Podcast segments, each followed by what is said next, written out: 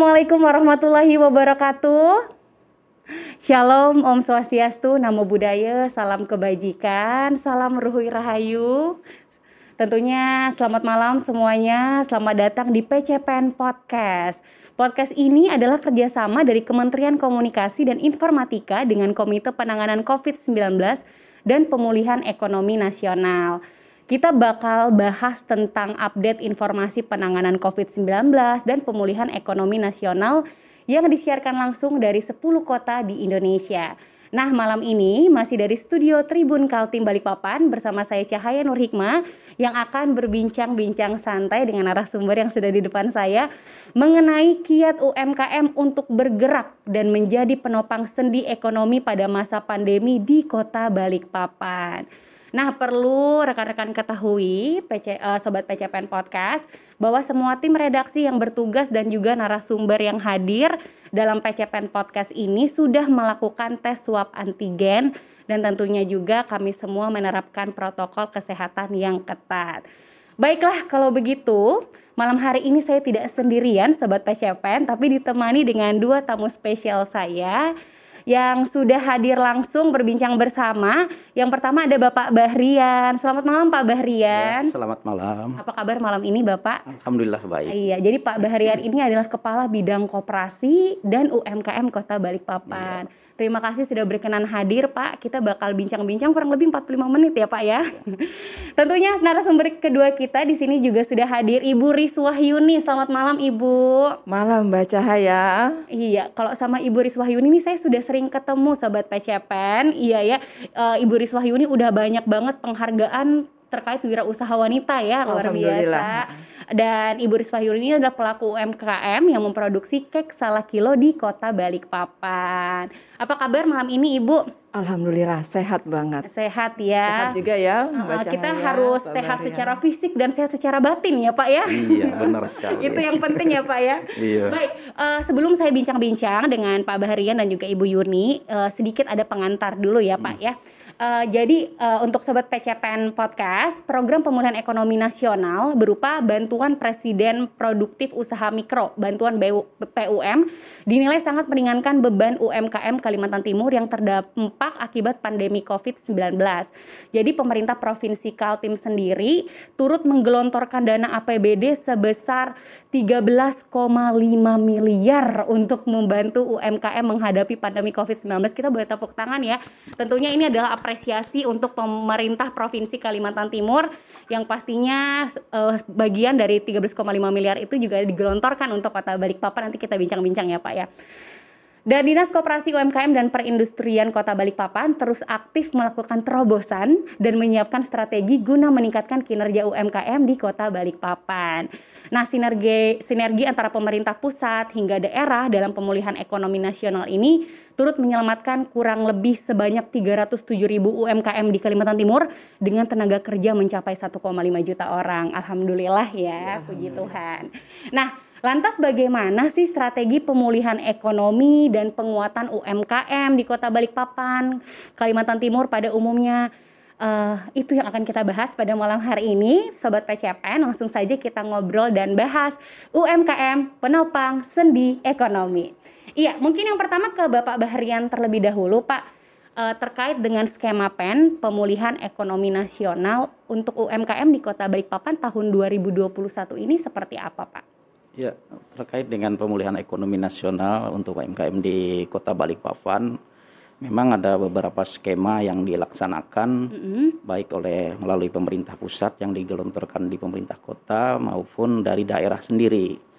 Uh, untuk yang dari pemerintah pusat itu ada namanya BPUM, mm-hmm. bantuan pemerintah untuk usaha mikro. Oke. Okay. Ya, di BPUM ya Pak, BPUM. bukan BPOM ya Pak? BPUM, iya BPUM dia. Siapa? Kemudian uh, bantuan itu kan sebenarnya untuk bantuan permodalan usaha nilainya memang untuk di tahap pertama di tahun 2020 yang lalu memang dapat 2,4. 2,4? Nah, 2,4. Uh, apa ini Pak? Dua juta empat ratus. Dua juta empat ratus. Untuk per UMKM ya iya. Pak ya. Hmm. Kemudian untuk di tahun 2021 ini itu dapatnya 1,2. Oke. Ya. Ada penurunan. Ada penurunan. Tapi mungkin lebih banyak yang diberikan, Pak. Iya, memang betul. Oke. Uh, nah, untuk jumlahnya sampai saat ini yang kita terima memang pelaksananya kan dari Bank Himbara ya. Mm. Di Kota Balikpapan sendiri melalui Bank BRI.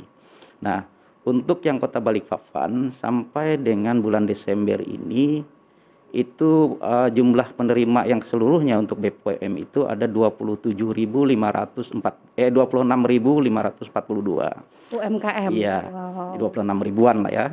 Kemudian uh, sudah tersalurkan itu sekitar 20 ribuan. Ya, sekitar 20 ribuan, uh, mungkin nilai dengan nominalnya sekitar 24 miliar ya. Oke, ini Ibu udah terima, Bu? Nah. Apakah salah satu yang Iya. terdaftar? Yang jelas kalau mereka sudah pernah mendaftar, Mhm. nah, biasanya untuk yang di tahap pertama, tahap kedua juga akan dapat lagi ya. Iya, berarti sahabat PCPN yang belum daftar ke Dinas Koperasi UMKM, ayo kita daftar dulu ya. Iya. Iya, jadi gimana Pak cara daftarnya Pak? Mungkin bisa diinformasikan ke sobat PCPN supaya lebih mudah untuk pegiat UMKM khususnya di Kota Balikpapan. Heeh. Eh, pendaftaran itu kan kalau dulu ada Mhm. dua. Yang pertama itu kan ada langsung ke Dinas Koperasi dan UMKM. Mm. Dulu kita buka stand di sana untuk pendaftaran. Kemudian ada juga pendaftaran yang dilakukan melalui eh, apa namanya PNM, Permodalan Nasional Madani. Oke. Ya, mereka itu kan nasabah-nasabahnya dari Mekar biasanya. Kemudian ada lagi dari nasabahnya Pegadaian. Nah, mereka langsung ketika menjadi nasabah Pegadaian, mereka langsung didaftarkan Oh, di sana. Jadi sebenarnya Karena ada sebagian besar di yang kerjasama ya Pak ya iya, ya. dari pemerintah kan menyalurkannya memang seperti itu ya. Mhm. Kemudian eh, penyalurannya langsung melalui perbankan. Yang di mana di perbankan ini melalui Bank Himbara yang ditunjuk di Kota Balikpapan adalah Bank BRI. Oke, berarti untuk sobat PCPN berarti ini kadang-kadang tuh kita pengen dapat informasi gitu ya Iya. atau pengen sebenarnya kita pengen eh, gimana sih cara dapatin dananya tapi mungkin informasinya kurang. Iya. Nah, mungkin di sini eh, kalau misalnya teman-teman atau sobat PCPN yang nonton belum punya usaha, boleh diinformasikan ke rekan-rekannya yang punya usaha supaya bisa juga dibantu sama Ah, Dinas Koperasi ya. Untuk pendaftaran kan sudah selesai ya dilaksanakan dan ini kan tinggal penyaluran sampai Oh, dengan bulan oke. Desember Oh, ya. berarti mungkin 2022 ada Iya. lagi, Pak, gitu ya. Nah, kita belum tahu lagi apa lagi kebijakan pemerintah gitu ya. Yang jelas kalau memang ada kebijakan dan itu tetap berlanjut ya, kami tetap untuk membantu. Oke, boleh di follow Instagram Dinas Koperasi juga ya. Iya, boleh. Oke, mungkin kita boleh ke eh, Ibu Yuni dulu ya. Eh, untuk Ibu Yuni udah terdaftar kalau untuk di Dinas Koperasi, Ibu pastinya Alhamdulillah sudah. sudah pastinya ya Sudah Ibu ya. pastinya. Heeh, tapi kalau misalnya sama Ibu Yuni, saya pengen tanya itu lebih ke struggle saat pandemi gitu. Gimana Ibu? eh, apakah eh, apakah pengalaman selama pandemi untuk usahanya Ibu sendiri, kayak salah kilo gimana Ibu? Pasti ya Mbak Cahaya eh, ketika pandemi dua tahun yang lalu ya eh, akses untuk orang datang ke Balikpapan, kemudian juga akses untuk orang dari Balikpapan keluar ya itu ditutup, bandara ditutup, pelabuhan ditutup. Itu udah kayak dunia mau runtuh rasanya ya, benar-benar hantaman berat buat kita ya. Jadi bukan cuma saya yang merasakan ini sebagai hantaman, tetapi semua menurut saya semua pelaku ekonomi. Kemudian apa yang bisa saya lakukan gitu? Saya untuk memberhentikan karyawan itu bukan bukan jalan keluar yang baik menurut saya gitu. Ketika petani sudah mulai mengeluh nih petani salak yang di kilometer 21 sudah mengeluh, kapan dong ngambil salak lagi di kita? Iya, Ini salaknya sudah numpuk nih. Nggak ada orang cari oleh-oleh tuh nggak ada sama sekali gitu. Orang pada berdiam diri di rumah gitu ya kan. Kemudian mereka ternyata lebih membutuhkan eh, asupan-asupan yang bisa meningkatkan imun tubuhnya mereka gitu ya. Saya 2014 sebenarnya saya sudah dapat formula tuh dari Profesor Bernatal. Beliau Boleh adalah nih, Bu. Uh, uh, beliau adalah guru besar di uh, Universitas Mula Warman bahwa kulit salak itu bisa untuk mengobati diabetes. Wow. Tapi saya kok mikirnya ih kayak ngeri banget gitu ya. Apa nggak ada obat diabetes yang lain gitu kan selain kulit salak? Karena saya berangkatnya mengolah salak ini dari tidak suka sama sekali. Makan salak itu terlalu berdarah-darah menurut saya. Ngupasnya susah. Betul. Ketika dimakan ekspektasi saya mengenai buah tuh ternyata jauh berbeda gitu ya kan. Nah, saya kepikiran kenapa orang sampai meninggal ya yang uh, positif COVID ternyata biasanya gandengannya adalah diabetes. Hmm, iya betul itu. Saya coba kemudian bikin minuman uh, sari salak dikombinasi dengan rebusan kulit salak dan itu bisa untuk meningkat um, menurunkan kadar gula darah. Dan ternyata itu yang dicari orang. Wow. Dan sampai sekarang minuman salakti serai namanya karena di situ ada komposisi penambahan serai dan jahe merah. Sampai sekarang penjualannya sangat bagus. Nah, jadi dari inovasi-inovasi seperti itu ternyata masih membuat kita bertahan sampai saat ini. Wow, luar biasa ya. Betul, berarti ini pentingnya inovasi dalam sebuah usaha ya Ibu. Benar. Tadi apalagi Ibu bilang pertamanya itu uh, salak salak mm, bukanya susah gitu tapi ternyata kulitnya ya ibu yang awalnya benci salak eh jadi pengusaha salak nah, bu betul. bahkan kulitnya salak ternyata bisa jadi obat diabetes kemudian buahnya bisa kita makan dan saya yang saya tahu bijinya juga ibu ya, olah bukannya ya bu ya? itu kita jadikan kerajinan uh -uh. jadi uh, ada tempat tisu vas bunga gitu ya kan wow, uh, gantungan biasa. kunci nah itu dari biji salak yang kita slice kemudian kita tempelkan di media-media tadi gitu dan itu jadinya unik banget gitu ya uh, orang mungkin nggak dapat di tempat lain ya seperti Betul, itu Bu. dan ternyata dapatnya hanya di Salak Kilo. Ini menarik ya. Jadi kalau misalnya mau beli salak ke kek Salak Kilo bukan cuma kue, kek Benar. ya, bukan cuma kue tapi semua olahan-olahan salak ada ya, Bu. Wah, luar biasa sekali Ibu dan pastinya ini juga sangat membantu perekonomian para pengrajinnya pemanen dari pemanen atau petani dari petani salak kemudian ya. sekarang ada pengrajin karena pengolahan dari biji-biji salak ya, itu Bu benar, keren banget Bu. Benar dan uh, kita memanfaatkan momen ya. Iya. Momennya sekarang uh, Idul Fitri kan kemarin ya. Idul Fitri itu biasa orang dengan tradisi mudik ya tetapi tidak ada yang mudik sama sekali. Nih siapa yang cari oleh-oleh gitu kan udah bikin stres banget gitu ya. Uh, kita bikin hampers. Saya pikir yang bakal beli hampers itu hanya orang balik papan. Ternyata tidak. Yang beli itu justru ada yang dari Singapura, ada yang dari Australia. Jadi yang mereka punya orang tua di balik papan, tetapi mereka tidak bisa mudik ke balik papan. Mereka kirim hampers untuk orang tua mereka itu dari salah kilo gitu. Dan sekarang momennya adalah uh, Natal dan Tahun Baru. Kemudian nanti selesai itu Imlek. Jadi kita sesuaikan saja temanya apa ya kan. Nanti uh, tinggal kita rangkaikan hampers-hampers yang olahannya dari Oke. kilo. Inovasi lagi ya. ya. Terkait inovasi jadi, jadi saya pengen ke Pak Bahrian lagi, Pak. Nah, kalau tadi ngelihat Ibu Yuni udah berdarah-darah gitu ya untuk survive di tengah pandemi sampai yeah. banyak banget inovasi. Kalau untuk Dinas Koperasi UMKM gimana, Pak? Terkait inovasi-inovasi programnya supaya terus membantu pelaku UMKM di Kota Balikpapan. Iya, Dinas Koperasi UMKM dan Perindustrian Kota Balikpapan memang ada memiliki program-program terutama untuk meningkatkan uh, potensi-potensi yang ada di kelurahan uh, di Kota Balikpapan. Jadi tidak saja hanya potensi untuk SDM-nya, pelaku usahanya, tetapi juga bagaimana supaya pemasaran segala macam yang kita lakukan ya. Yang pertama terkait dengan pengembangan SDM pelaku usaha. Kita adakan pelatihan-pelatihan buat mereka ya. Di dalam pelatihan-pelatihan itu termasuk juga pelatihan uh, untuk pengembangan inovasinya, ide-idenya. Itu kan kita kita ambilkan pelatihan-pelatihan yang memang khusus ya.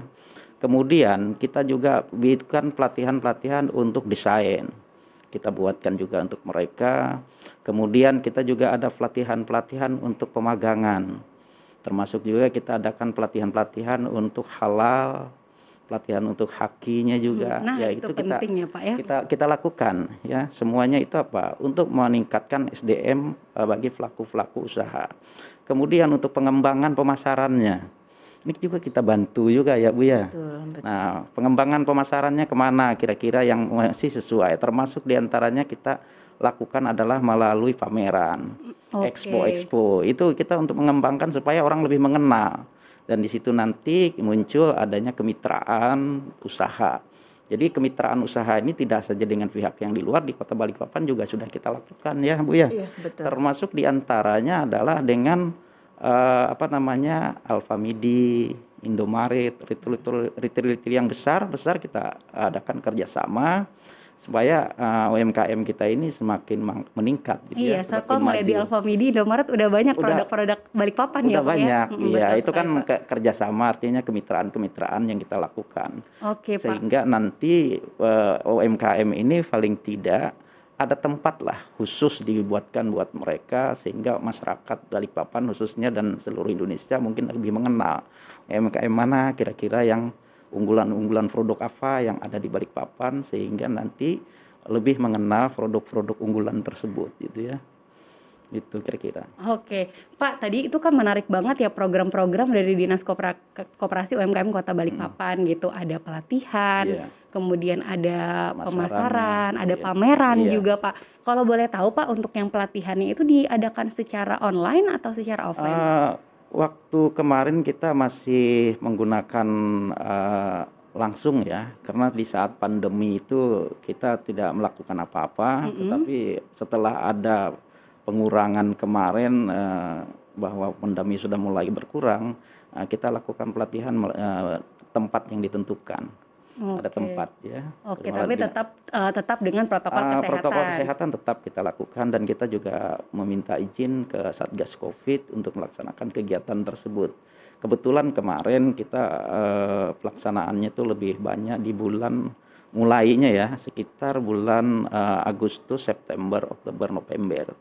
Jadi pada saat itu kita lakukan pelatihan-pelatihan secara keseluruhan. Sebelum-sebelumnya kan waktu masih pandemi ya kita tidak ada melakukan tidak ada melakukan kegiatan. Iya betul iya. Pak. Masih ketat ya Pak. Masih Sekarang ketat. udah lumayan enak-enak iya, nih Pak. Iya. Tapi kalau ngomongin pelatihan kalau Ibu Yuni kemarin sempat ikut uh, pelatihan yang diadakan oleh Dinas Koperasi Ibu.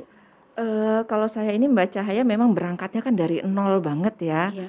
Saya ini udah benar-benar bukan jadi kayak anak angkat lagi sudah ya, iya. mungkin jadi anak kandung sudah oh, ya ini ya. Kandung, uh, ya. Kalau dengan dinas uh, koperasi dan perindustrian. Jadi saya berangkatnya tahun 2012 itu hmm. benar-benar saya tidak tahu perizinan itu seperti apa, kemudian masalah kemasan itu seperti apa, termasuk masalah manajemen keuangan. Iya, betul. Uh, kemudian hak kekayaan intelektual ya, masalah desain itu saya dapatkan semua dari dinas koperasi dan perindustrian Balikpapan. Uh Oke, terima kasih loh Pak. Berarti ini iya. untuk sahabat PCPN juga dari dinas ini sudah menyiapkan pelatihan-pelatihan untuk UMKM. Apalagi sekarang kan harus pintar digital marketing iya, ya Pak. Betul. Karena pemasaran kita lebih banyak online Pak. Iya. Kalau untuk di dinas koperasi ada Pak uh, pelatihan untuk digital marketing gitu Pak. Ada melaksanakan pelatihan kemarin terkait dengan manajemen usaha. Mm -hmm. Kita lakukan pada tahun 2020 salah satu materi yang kita lakukan adalah digital dengan marketplace. Okay. Kita waktu itu mengundang salah satu marketplace yang ada di Balikpapan untuk menjadi narasumber sehingga uh, mereka diberikan dasar-dasar kemudian diberikan sampai kepada proses pembuatan, pemotoan, kemudian upload ke dalam marketplace-nya, kemudian uh, termasuk ongkirnya, termasuk promosinya juga wow, disampaikan lengkap. pada saat itu. Itu iya. penting ya, iya. karena sebenarnya yang punya usaha itu kalau misalnya ngomongin digital kan pelaku usaha bukan anak muda ya, iya. banyak iya. juga yang udah tua-tua tapi agak kurang bisa untuk gadgetnya gitu iya, pak ya. Betul. Uh -uh. Tetapi uh, kita lakukan uh, walaupun di situ usia mereka sudah ada sebagian ya yang tidak muda lagi tetapi kan bisa didampingin oleh anak-anaknya. Iya, Jadi betul, mereka Pak. yang oh. kemarin ada beberapa itu yang ikut ya ada anaknya juga dampingin gitu ya. Nah, kita ini, perbolehkan saja. Ini nah. keren banget Pak, ini iya, keren banget ya. Betul. Ya sepanjang uh, karena mereka kan namanya anak-anak sekarang SMP, SMA sudah pintar banget betul. tuh iya, main, iya, betul, Pak. mainkan gadgetnya ya dengan apa namanya istilahnya lebih mudah lah. Dan itu antusias nggak Pak untuk pelaku UMKM-nya pada uh, saat kelas tersebut? Alhamdulillah Pak? antusias sekali ya, alhamdulillah antusias sekali dan sekarang uh, dari marketplace tersebut uh, mereka langsung membimbing walaupun sudah selesai pelatihan mereka terus, tetap terus memberikan bimbingan. Iya. Jadi mereka membuat WA group dan melalui WA group itu mereka melakukan komunikasi. Ya termasuk uh, ada masalah-masalah terkait dengan prosesnya. Mungkin mereka ketika belajar karena waktunya sangat terbatas hanya tiga hari ya tentunya ada yang belum paham secara utuh dan mereka bisa ikut uh, melalui uh, di komunikasi melalui WA grup tersebut. Iya. Oke Pak, kalau misalnya boleh tahu Pak dari sekian banyak peserta yang ikut pelatihan, eh, pameran dan sebagainya itu tadi yang Bapak sudah jelaskan, kalau boleh tahu ada berapa banyak Pak yang tetap bertahan hingga sekarang Pak Kalau- usahanya?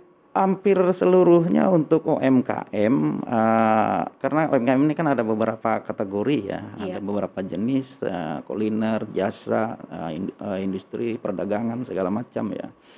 Memang kalau untuk kuliner, eh, untuk situasi COVID saat ini memang tidak terlalu banyak terdampak ya untuk yang kulinernya. Tetapi kalau untuk yang sektor jasa, termasuk fashion, eh, memang eh, sangat terdampak sekali mereka. Iya, Iya. karena biasanya kalau kita pakai baju itu kita jalan-jalan ya Bu, Iya. nggak foto gitu Nah, Pak. banyak Kalau misalnya di rumah, ya pakai bajunya paling kan daster gitu, Iya. yang lagi in itu daster Pak pas Iya. fashion Pak. Toko-toko kan banyak tutup gitu kan. Iya, betul. Apalagi saat kemarin apa namanya eh, darurat ya. PPKM darurat itu kan jalan ditutup-tutup Iya, ya betul, sehingga orang juga eh, apa namanya mobilitasnya sangat terbatas sehingga yang terutama untuk yang fashion, jasa itu hampir semuanya agak agak bermasalah. Ya, sangat terbatas itu ya. Oke, itu kan tadi Pak mungkin pengalaman eh, Dinas Koperasi melihat eh, para UMKM di tahun 2020. Iya. Nah, kalau untuk yang eh, 2021 yang up to date Pak, yang sekarang yang lagi in sekarang Pak itu ada sektor usaha di bidang apa Pak yang lagi in kalau di waktu-waktu sekarang Pak? Eh, kalau di Kota Balikpapan memang eh, sektor-sektor yang lagi in sekarang memang banyak ya. Tetapi secara keseluruhan eh, sepertinya memang di masih kuliner yang di Kota Balikpapan ini yang mendominasi ya. Saya lihat memang kuliner. Kenapa saya katakan kuliner di Balikpapan? Eh, banyak usaha-usaha yang dilakukan mungkin dari segi permodalan mereka membutuhkan besar ya.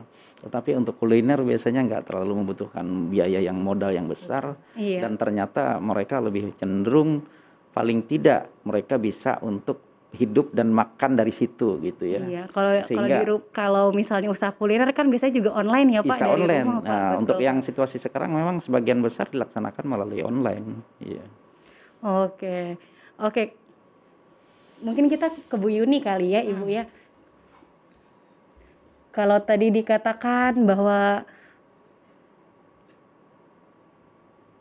ya pertumbuhan ekonomi dan di bidang kuliner, kalau misalnya untuk Ibu sendiri bagaimana? Tadi kan Ibu bilang di awal di tahun 2020 itu eh, agak agak terseok-seok gitu ya Bu. Kalau untuk 2021 sebenarnya Ibu Bapak tadi bilang usaha kuliner lagi naik daun. Nah, kalau misalnya semakin banyak yang usaha, otomatis saingannya juga semakin banyak gitu Bu.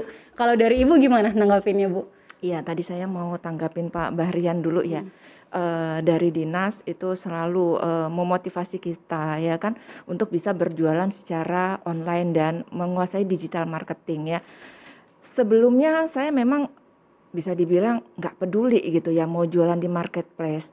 Tetapi ketika COVID mau nggak mau sudah karena orang dari rebahan aja gitu ya di rumah mager lah gitu ya iya, kan. check out Shopee gitu, Benar, Tokped ya Bu ya. iya benar. Terus saya pun seperti itu. Loh, kok saya jadi pembeli gitu ya? Kapan saya jadi penjualnya gitu? Akhirnya benar-benar ketika datang tawaran-tawaran untuk bisa ikut pelatihan-pelatihan, ayo gitu. Toh pelatihannya kan hanya online. Kita Iya. kan tidak dan bertemu gratis ya dan Bu. gratis Gratis. pula dan setelah itu kita masih didampingi lagi masih ada media WhatsApp grup ya kan dan kita masih di maintain terus alhamdulillah sampai sekarang dan kita di diajarkan untuk memaksimalkan promo-promo gitu dan alhamdulillah dari situ penjualan semakin meningkat gitu ya. Kemudian tadi Mbak Cahaya bilang apa tidak takut gitu ya Banyak dengan saingan. banyak gitu. saingan. Enggak sih alhamdulillah ya. Justru eh, kalau di tempat kita tuh di Salah Kilo Creative Class kita punya ruangan eh, itu untuk mengedukasi ya. Yang pertama tujuannya untuk mengedukasi masyarakat bahwa salak itu buah yang menyehatkan ya kan. Kemudian jenisnya apa saja yang ada di Balikpapan bisa diolah menjadi apa saja. Itu kita edukasi. Nah, tetapi juga kita e, banyak mengadakan pelatihan-pelatihan itu yang di luar olahan salak. Biasanya apa sih yang ada di Balikpapan e, selain buah salak? Nah, itu kita biasanya bekerja sama dengan dinas-dinas juga gitu Mbak Cahaya. Nah, e, saya selalu juga mengajak teman-teman pelaku UMKM, ayo dong saya itu pengen banget gitu ya. Di Jogja itu ada bakpia gitu ya kan Iya, ber, betul. beratus mungkin atau beribu merek eh, bakpia gitu. Di Balikpapan ini banyak banget gitu buah salak. Kalau hanya saya Iya, yang betul. mengolah belum terserap secara maksimal saya bilang. Ayo dong gitu mungkin di sini ada yang bikin bakpia eh, Iya, betul. salak gitu ya kan. Ada Wah. yang bikin brownie salak segala macam sirup salak. Kalau memang terkendala nanti dengan penjualan kita punya toko oleh-oleh. Saya memang membangun toko oleh-oleh ini tujuannya untuk bersinergi gitu. Teman-teman mungkin yang tidak mempunyai wadah untuk berjualan gitu ya kan bisa memanfaatkan toko kita sistemnya nanti konsinyasi. Itu yang Wow, saya sampaikan ke banget. teman-teman UMKM Iya. yang di Eh, Balikpapan maupun yang ada di Kalimantan Timur. Wow, gila. Eh, ini saya dap insightful banget ya. Ternyata ibu-ibu tadi eh, tadi pertanyaan saya apakah ada saingan? Malah ibu jawabnya kita pengen merangkul supaya bisa jadi signature baru di Kota Balikpapan bahwa ayo eh, kita salak Balikpapan itu enak gitu ya. Benar, benar banget. Benar Oke. banget Mbak Cahaya. Mungkin momen ini kebetulan juga sudah ada Pak Bapak Bahrian dari pemerintah. Ada butuh dukungan apa nih Bu dari pemerintah Bu supaya eh, bisa mungkin salak jadi signature pada akhirnya untuk Kota Balikpapan. Heeh. Karena sekarang kan kepiting gitu ya, Kepiting. kepiting gitu. Heeh. Silakan Ibu. Eh, Alhamdulillah ya dari pemerintah baik itu dinas koperasi kemudian juga dinas perindustrian dinas pariwisata pemkot balikpapan juga ya itu sangat mensupport banget ya kita eh, pelaku usaha-usaha yang ada di balikpapan Eh, momen-momen seperti ulang tahun HUT ya HUT kota balikpapan itu selalu mengangkat makanan khas dari eh, balikpapan gitu apalagi nanti seperti eh, tanggal 10 Februari Februari, ya, nanti Ibu ya. gitu kan itu pasti sudah disiapkan makanan-makanan khas, Khas- khas Balikpapan itu Balikpapan. sebagai souvenir nanti untuk tamu-tamu ya Pak Iya, Bahrian ya. betul. Jadi kalau menurut saya sih eh, support eh, dari pemerintah itu sudah bagus sekali. Tinggal kita pelaku UMKM mau nggak memanfaatkan dan mau tidak kita mengaplikasikan ilmu yang tadi kita dapat. Oh, gitu. betul itu. Betul itu sobat PCPet ya yang pelaku UMKM. Kadang-kadang kita di rumah punya usaha tapi kita nggak mau kerjasama sama pemerintah gitu ya. Benar. Eh, biasanya kan kalau misalnya pem- sama pemerintah yang saya tahu ibu-ibu PKK, penggerak peng- ada penggerak-penggeraknya. Nah, yang di rumah aja supaya usahanya semakin berkembang, ayo kita kerjasama sama Ibu Yuni, kemudian sama dinas juga. Ya, Bu. Bu, jadi kalau misalnya untuk Ibu kan tadi ada pelatihan juga gitu ya, Bu. Itu berarti mungkin teman-teman di sini atau pemirsa yang nonton ada yang pengen bergabung di pelatihannya bisa berarti, Bu. Bisa. Jadi eh, minimal itu kita buka kelas 15 orang Mhm. gitu ya. Tetapi kalau misalnya lagi Covid memang kemarin kita eh, benar-benar stop. Kita kemarin Covid 2 tahun itu kita benar-benar stop. Eh, mungkin kita lebih banyak virtual aja gitu. Oke. Eh, tetapi ini kita udah mulai buka lagi, tapi tetap protokol kesehatannya juga eh, harus ketat sekali ya karena beberapa peserta itu eh, kita kan tidak tahu ya mereka dari dari mana datangnya, mungkin dari luar kota atau dari mana gitu. Nah setelah itu nanti eh, ada beberapa yang memang sistemnya berbayar, ada beberapa yang memang itu adalah kegiatan sosial kita, jadi Oke. eh, CSR kita itu biasanya kita tujukan untuk kaum duafa, masyarakat sekitar lingkungan gitu. Dan kalau misalnya kita yang bekerja sama dengan dinas, itu sistemnya adalah eh, dinas yang mengcover semua biayanya. Jadi peserta dari masyarakat biasanya itu diambil dari kelurahan ya, Mhm. eh, yang memang berpotensi untuk bisa menjadi wirausaha baru. Iya, yang Nah, niatnya juga yang niatnya tinggi ya Ibu benar. ya. Nah, eh, nanti setelah itu kita eh, kasih pelatihan, kita kasih motivasi juga supaya ada pelaku pelaku usaha baru yang tumbuh dari Balikpapan. Wah keren banget ya Pak Barian. Iya, Ini betul. kalau ngelihat perjalanannya eh, Ibu Yuni Pak. Iya. Kalau kita boleh ke Pak Barian Boleh, lagi. Pak. Pak tadi ngelihat eh, Ibu Yuni ternyata bukan hanya pelaku UMKM tapi buat pelatihan juga. Iya. Jadi penggerak UMKM juga juga Pak. Gimana Pak tanggapannya Bapak dan mungkin uh, apa nih support pemerintah untuk pelaku UMKM yang bisa jadi penggerak di tahun yang akan datang ya. Siapa tahu bisa ini mumpung tahun akhir tahun ya Pak bisa iya. ada rencana anggaran Pak. Iya, Silakan betul. Pak. Jadi gini, memang kami uh, dengan Ibu Yuni ya kita juga sering ngadakan juga Bu ya. Iya, uh, beliau juga sering kita ambil sebagai salah satu narasumber ya. Iya betul. Uh, untuk pelatihan-pelatihan yang kita lakukan uh, di mana pelatihan-pelatihan tersebut tentu saja kalau yang pelaku usahanya yang melaksanakan atau sudah menjadi narasumber itu memang sudah sudah sudah apa namanya sudah paham betul ya situasi dan kondisi dan mereka sebagai pelaku usaha tentunya bisa dibagikan kepada uh, peserta ya, iya, betul. terutama yang wira-wira usaha baru. Ke depan memang kita sering mengadakan pelatihan-pelatihan ini terutama yang dibiayai dari pemerintah kota, terutama untuk wirausaha baru. Kenapa?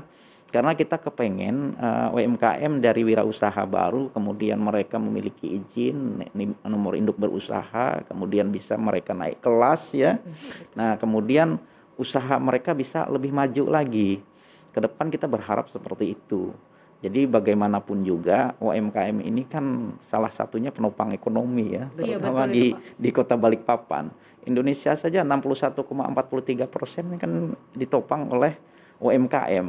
Ya tentunya bagaimanapun juga UMKM inilah yang harus kita lebih berdayakan lagi dan lebih kita tingkatkan baik kemampuannya, potensinya maupun uh, bantuan kita untuk pemasaran segala macam dan expo-expo itu. Betul, Oleh karena itu kita berharap sebenarnya sinergi ini tidak saja dengan UMKM-nya dari Salak Kilo ya. Iya betul Pak. Kita juga dengan beberapa uh, eh, UMKM yang lain kita lakukan juga sinergi. Mm jadi seluruhnya semuanya kita libatkan.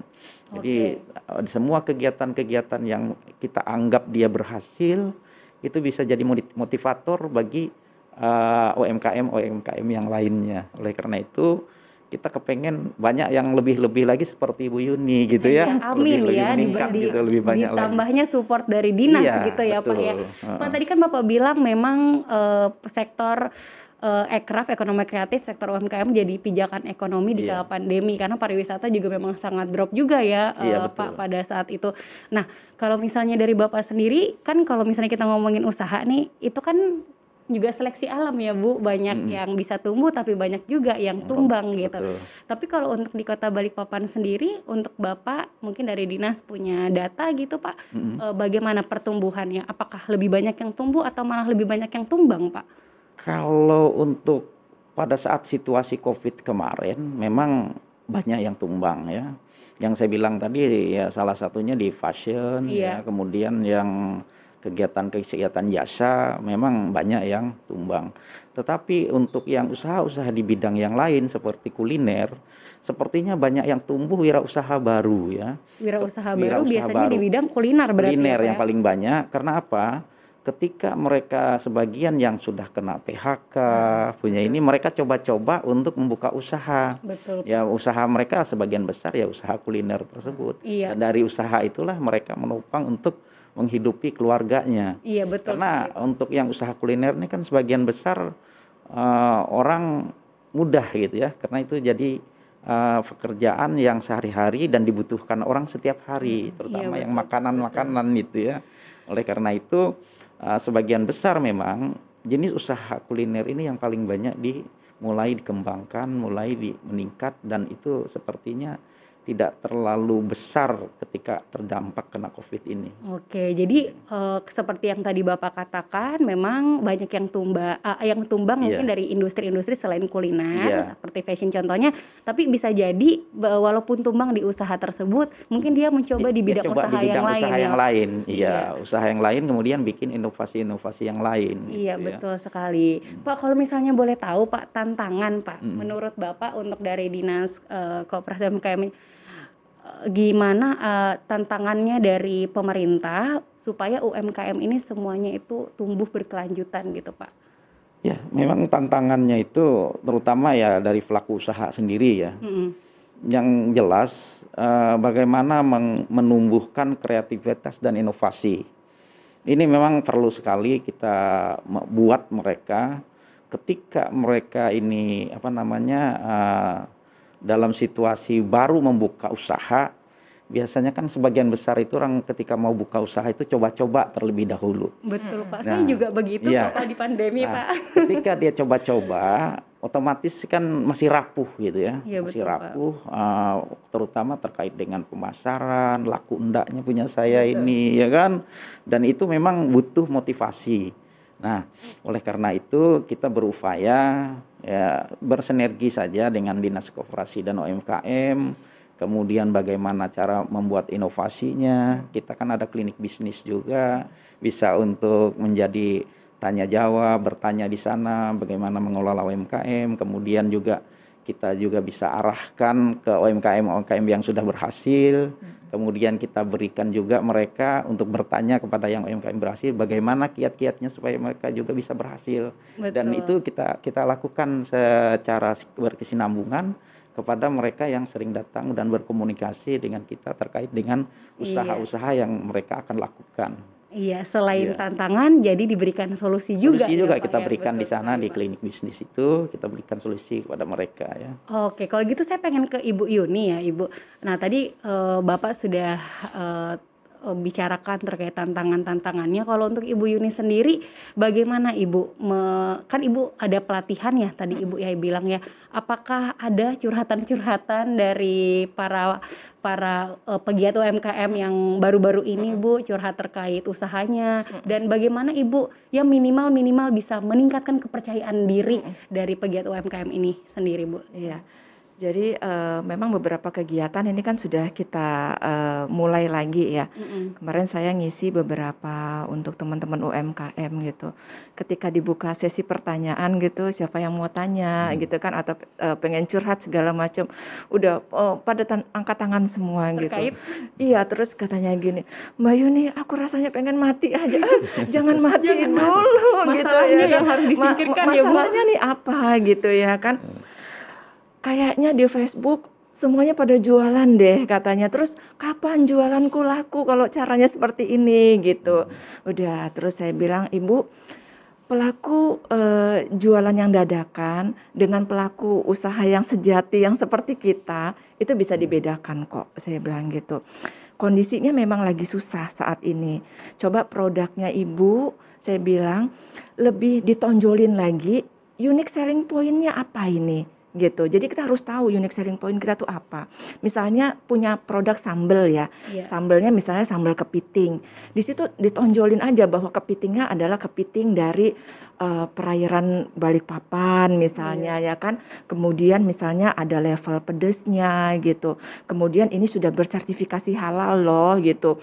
Dan ini dikemas secara higienis, tidak menggunakan bahan pengawet atau apa gitu saya bilang.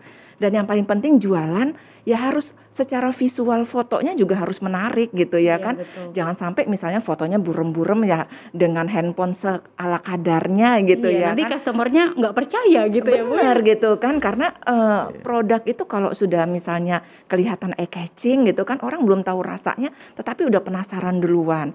Jadi saya bilang nggak apa-apa Bu, yang penting Ibu semangat, Ibu posting aja terus jualannya Ibu, manfaatin media sosial. Saya bilang ada WA, ada Facebook, ada Instagram ya udah jualan aja terus saya bilang sampai benar-benar mindsetnya orang tuh tahu bahwa produknya ibu tuh apa gitu saya bilang gitu. Iya. Jadi ya kadang dari dari pertemuan-pertemuan seperti itu ya kadang kita ya saling memotivasi lah ya namanya mental iman gitu ya kan. Betul kan kadang itu, naik turun gitu ya udah di kondisi seperti ini ya saya senang aja bisa ketemu dengan teman-teman uh, UMKM bisa silaturahmi gitu setidaknya kita bisa saling support lah Mbak. Cahaya. Ini ini saya setuju ya sama Ibu. Jadi Pak Baharian saya tuh juga uh, jadi nyoba usaha pada saat pandemi gitu uh -uh. kan. Yeah. Uh, awalnya memang kerjanya seperti ini entertainer uh -uh. gitu kan. Pas pandemi jobnya berkurang, kayaknya mau tambahan pemasukan nih. Yeah. Akhirnya kita mulai jualan gitu uh -uh. Pak. Makanya uh, unique selling point itu benar banget Ibu karena kebetulan saya kan usaha madu gitu ya Bu ya. Madu hutan, kebetulan Kakak punya madu hutan. Jadi oh apa ya unique selling pointnya gitu -uh. karena memang uh, punya pengikut yang lumayan gitu ya Bu. Oh ini harus uh, promosinya harus bagus nih akhirnya uh, untuk imun tubuh, Betul. kesehatan kita buat paket kesehatan seperti itu. Iya, tapi memang yang saya berat itu Bu di awal-awal tuh kan Bu promosi ya Pak. Kita promosi pertama ih rame banget nih satu bulan. Ih rame banget ya ternyata banyak banget yang mau beli. Tiba-tiba kan bu misalnya eh, teman-teman yang kenal udah pada beli Uh-uh. nih. Loh kok jadi sepi gitu ya? Oh ternyata saya harus promosi lagi Betul. supaya bukan hanya kenalan kita yang beli tapi orang-orang yang nggak tahu jadi kenal sama produk kita gitu bu. Betul, betul itu Mbak Cahaya. Dan eh, kalau seperti di media sosial ya itu ada Facebook, ada Instagram. Bisa kita setting untuk bisa bersponsor. iya Saya selalu manfaatkan itu. Jadi eh, sasarannya mau ke mana ini? Mau ke wilayah Samarinda atau sampai seluas eh, Kalimantan Timur atau mau sampai nyebrang ke Jakarta? Itu saya yang nentukan. iya. Kemudian segmennya itu untuk usia berapa? Udah di setting aja. Ambil misalnya satu hari 20 ribu gitu ya. Kita ambil untuk empat hari di kota tertentu. Iya. Dan itu pasti ngefek banget Mbak Cahaya. Iya, ini betul banget ya Sobat PCPN. Jadi sebenarnya tadi yang sudah Bapak Bahrian juga sampaikan dari dinas itu juga ada pelatihan-pelatihan supaya pemasarannya itu jadi lebih bagus lagi. Yang tadi Ibu sampaikan bisa be sponsor fotonya yang bagus, itu ada di pelatihan sama Betul. dinas gitu. Ya, kita lakukan itu pelatihan itu. Jadi mereka tinggal uh, belajar, duduk belajar dan mendengarkan gitu Iya, ya. dan gratis, ya Pak gratis, ya. iya. Pelatihan kita laksanakan dengan gratis. Iya, makanya berarti eh, eh, teman-teman, sobat-sobat PCPN, apalagi khususnya di Kota Balikpapan, kitanya jangan malas cari tahu, jangan Iya. malas cari informasi, karena sebanyak sebenarnya banyak banget pelatihan-pelatihan yang sudah disiapkan oleh pemerintah untuk upgrading skill kita atau usaha kita masing-masing. Betul. Oke, Pak, mungkin pertanyaan terakhir ya Pak, tidak terasa gitu ya, sudah cukup eh, lama kita berbincang-bincang. Mungkin terakhir ke Pak Bahrian dulu. Eh, mungkin Pak harapan Pak eh, Bapak untuk UMKM di Kota Balikpapan Pak. Ini kan kita udah pandemi 2 tahun dan tahun depan sih harapannya kita sudah bisa santai kayak dulu lagi ya. Tapi ada varian baru ini masuk. Semoga saja tidak jadi darurat lagi Pak. Eh, Bapak gimana Pak untuk harapannya Pak untuk di 2022? Ya, kita berharap yang pertama memang kita kepengen pandemi ini selesai lah sudah ya. Amin, amin Ya, paling keras berharap. Pak. Karena apa? Eh, dengan menurunnya pandemi ini otomatis nanti pergerakan ekonomi terutama yang dari UMKM tumbuh ya. Itu yang pertama. Yang kedua, kita berharap lagi para UMKM ini tumbuh eh, inovasi-inovasi baru sih apalagi kira-kira. Karena kan kalau kita melihat eh, di kota Balikpapan khususnya dan juga di seluruh Indonesia eh, ternyata produk-produk UMKM itu hampir mirip-mirip gitu ya. Iya, Nah, oleh karena itu, bagaimana kita supaya menciptakan satu inovasi yang baru lagi sehingga itu menjadi ikon gitu ya. Nah, itu yang kita harapkan itu yang kedua. Yang ketiga memang eh, kita berharap ke depan bagi terutama bagi wirausaha baru ya, wirausaha baru. Ketika belum mendapatkan pengetahuan, pemahaman ya, artinya paling tidak saling berkomunikasilah kepada orang yang sudah sebagai pelaku usaha. Kenapa? Karena kalau kita bertanya, berkomunikasi akan tahu kira-kira bagaimana kiatnya itu. Seterusnya adalah berkomunikasi juga ke Dinas Koperasi dan UMKM. Karena kami akan tetap membantu dan tetap mendukung semua kegiatan-kegiatan yang dilaksanakan oleh pelaku usaha. Baik mereka wirausaha baru maupun mereka sudah maju dan berkembang wirausaha eh, usahanya. Tentu itu yang kita inginkan ke depan itu ya. Iya betul sekali Pak. Jadi untuk sobat PCPN yang juga pelaku UMKM, jangan mungkin jangan rendah diri Jangan, kalau misalnya iya. usahanya masih kecil gitu. Iya. Semua juga memulai dari kecil dulu gitu ya Betul, Bu betul. ya. Makanya ada dinas yang akan membantu supaya mengupgrade pemasaran ibu-ibu supaya usaha jadi besar. Iya. Nah itu tadi dari Pak Bahrian, terima kasih Bapak. Selanjutnya mungkin dari untuk Ibu Yuni sendiri untuk harapannya ke pe- pelaku UMKM dan juga khususnya ke pemerintah Kota Balikpapan, bagaimana Ibu? Eh, untuk kondisi pandemi ini ya harapan saya ya harapan teman-teman semua lah pelaku UMKM mewakili ya eh, kondisi ini cepat pulih lah ya supaya segala aktivitas Amin. kita bisa kembali normal lagi ya Ibu. seperti dulu sektor pariwisata ya pendidikan segala macamnya bisa normal lagi seperti semula gitu dan eh, untuk teman-teman UMKM ya khususnya yang ada di Balikpapan dan mungkin eh, para pendengar eh, dari podcast ini uh, selalu semangat ya karena di kondisi apa pun kita harus siap. Jangan sampai kita sebagai pelaku UMKM yang misalnya ini kita berjualan kuliner ya di kondisi kita lagi sepi gitu nggak ada pembeli, oh, udahlah tutup ampihan aja katanya orang Banjar gitu ya selesaian aja sudah jualannya gitu. Justru di saat yang seperti itu kita harus semakin jeli gitu ya melihat peluang apa sih yang sebenarnya dibutuhkan sama customer kita gitu dan uh, media-media apa sih yang bisa kita manfaatkan untuk mempromosikan uh, jualan kita.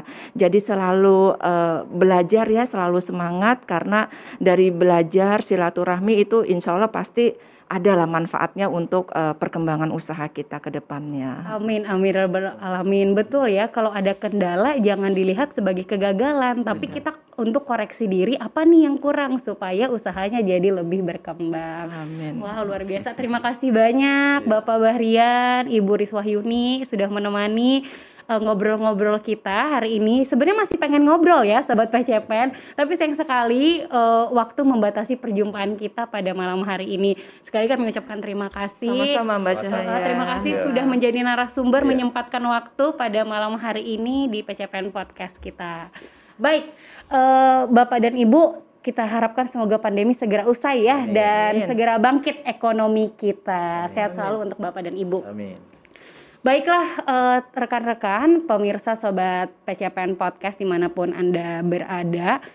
Jadi uh, jadi kalau misalnya ada pantun begitu ya, kalaulah ada sumur di ladang, bolehlah kita menumpang mandi.